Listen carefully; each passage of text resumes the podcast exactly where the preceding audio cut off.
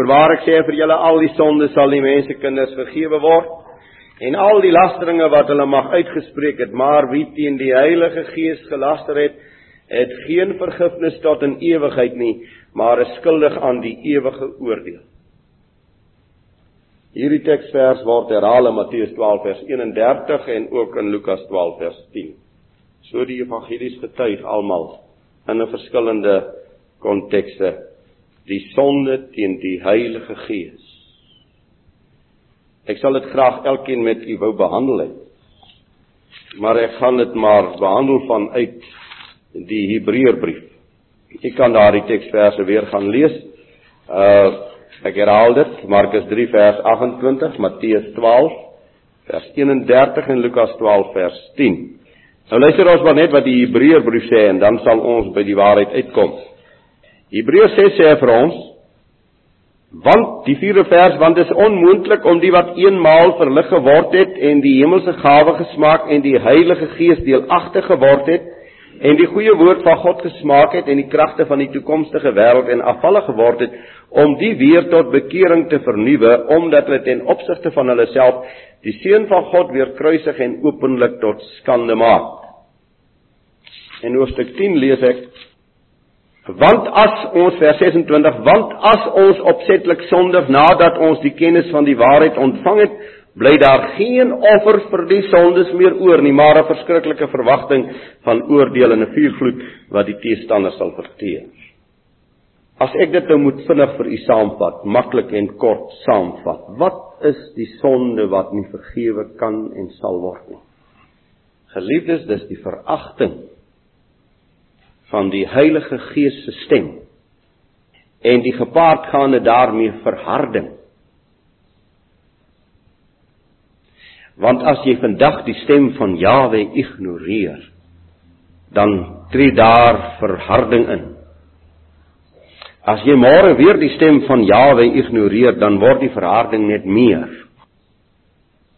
Want die Heilige Gees is besig om hom van jou te onttrek en daarom gebeur dit dat mense die hemelse gawe kan smaak, die Heilige Gees deelagtig kan wees en verlore kan gaan deurdat hulle op 'n punt kom van eie willigheid en eie sinnigheid en hulle gaan maar net voort.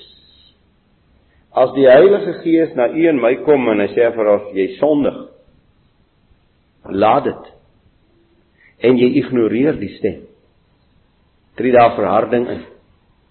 En die Heilige Gees onttrek hom. Daarom sê Paulus bedroef die Heilige Gees nie. En dan kom hy later dan sê hy blus die Heilige Gees nie uit nie want Paulus weet net soos die Hebreërs skrywer, dit is onmoontlik dat die Heilige Gees na jou sal terugkeer as hy by jou woning gemaak het en jy hom uitgedryf het uit jou lewe uit. Ons kan nooit versigtig genoeg lewe nie. Ons kan nooit ootmoedig genoeg lewe nie. Ons kan nooit genoegsaam gehoorsaam wees aan die stem van die woord van God deur die Heilige Gees nie. En wat 'n hartseer verhaal van mense wat met opgewondenheid die pad van die Vader beginne wandel en dan sien jy net hoe stadig die pad hulle. Hulle hulle drywe net weg, hulle raak net weg. Die wêreld raak vir hulle soos wat Paulus ook sê van Demas, hy het die teenswoordige wêreld lief gekry en so het hy God verlaat en so het hy verloor.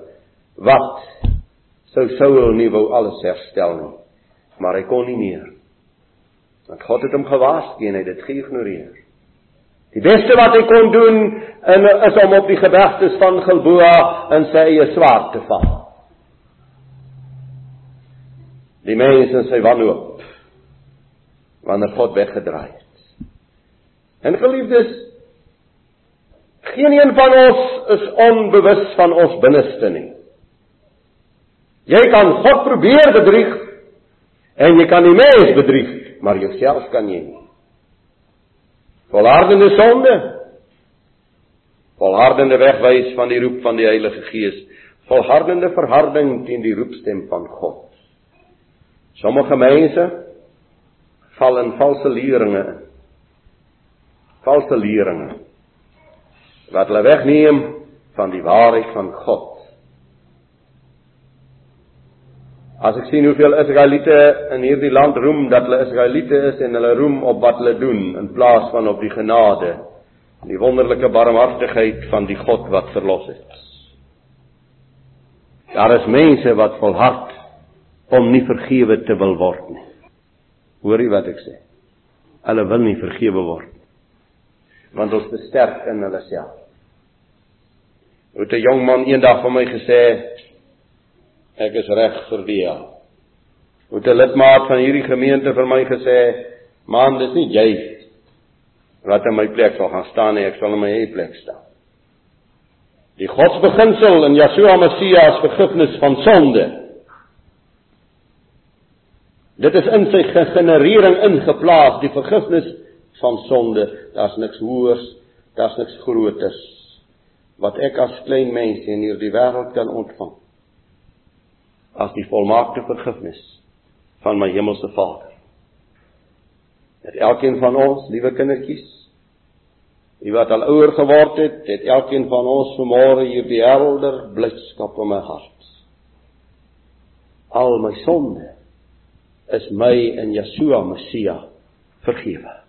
Ons Vader, groot van goeie tierenheid en barmhartigheid. U wat vir ons sê elke sonde wat jy bely sal ek jou vergewe. Die genade van U is so groot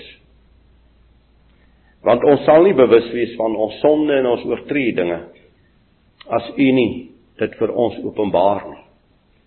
Ons sal ook nie tot die laa en kleine buiging kom in 'n berouvolle hart. Dierbare Heilige Gees, as u dit nie werk nie. Ons sal voorthardloop en voortstorm in hierdie wêreld. Ons sal daarvan 'n gemaklike saak maak of 'n ligsinnige saak terwyl u die vloekpaal gehang het terwyl u die verskriklike dood ingestap het. My vader leer opnuut vanmôre vir my om te besef wat u gedoen het sodat ek my sondes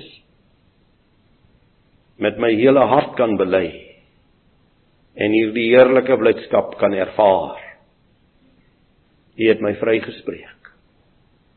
Hierdie land en hierdie volk vermore in sy sonde. In sy gruwels. In sy groot verraad teen U en U woord. U het aan die vloekpaal gehang. U vergewe. U sal die oorblysel vry laat uitgaan. Ons buig in nederige diepe afhanklikheid. Ons buig by die altaar van vergifnis en verzoening. Yeshua Messia opnuut en elke dag. Ek buig onder die kosbare bloed van die lam. Amen.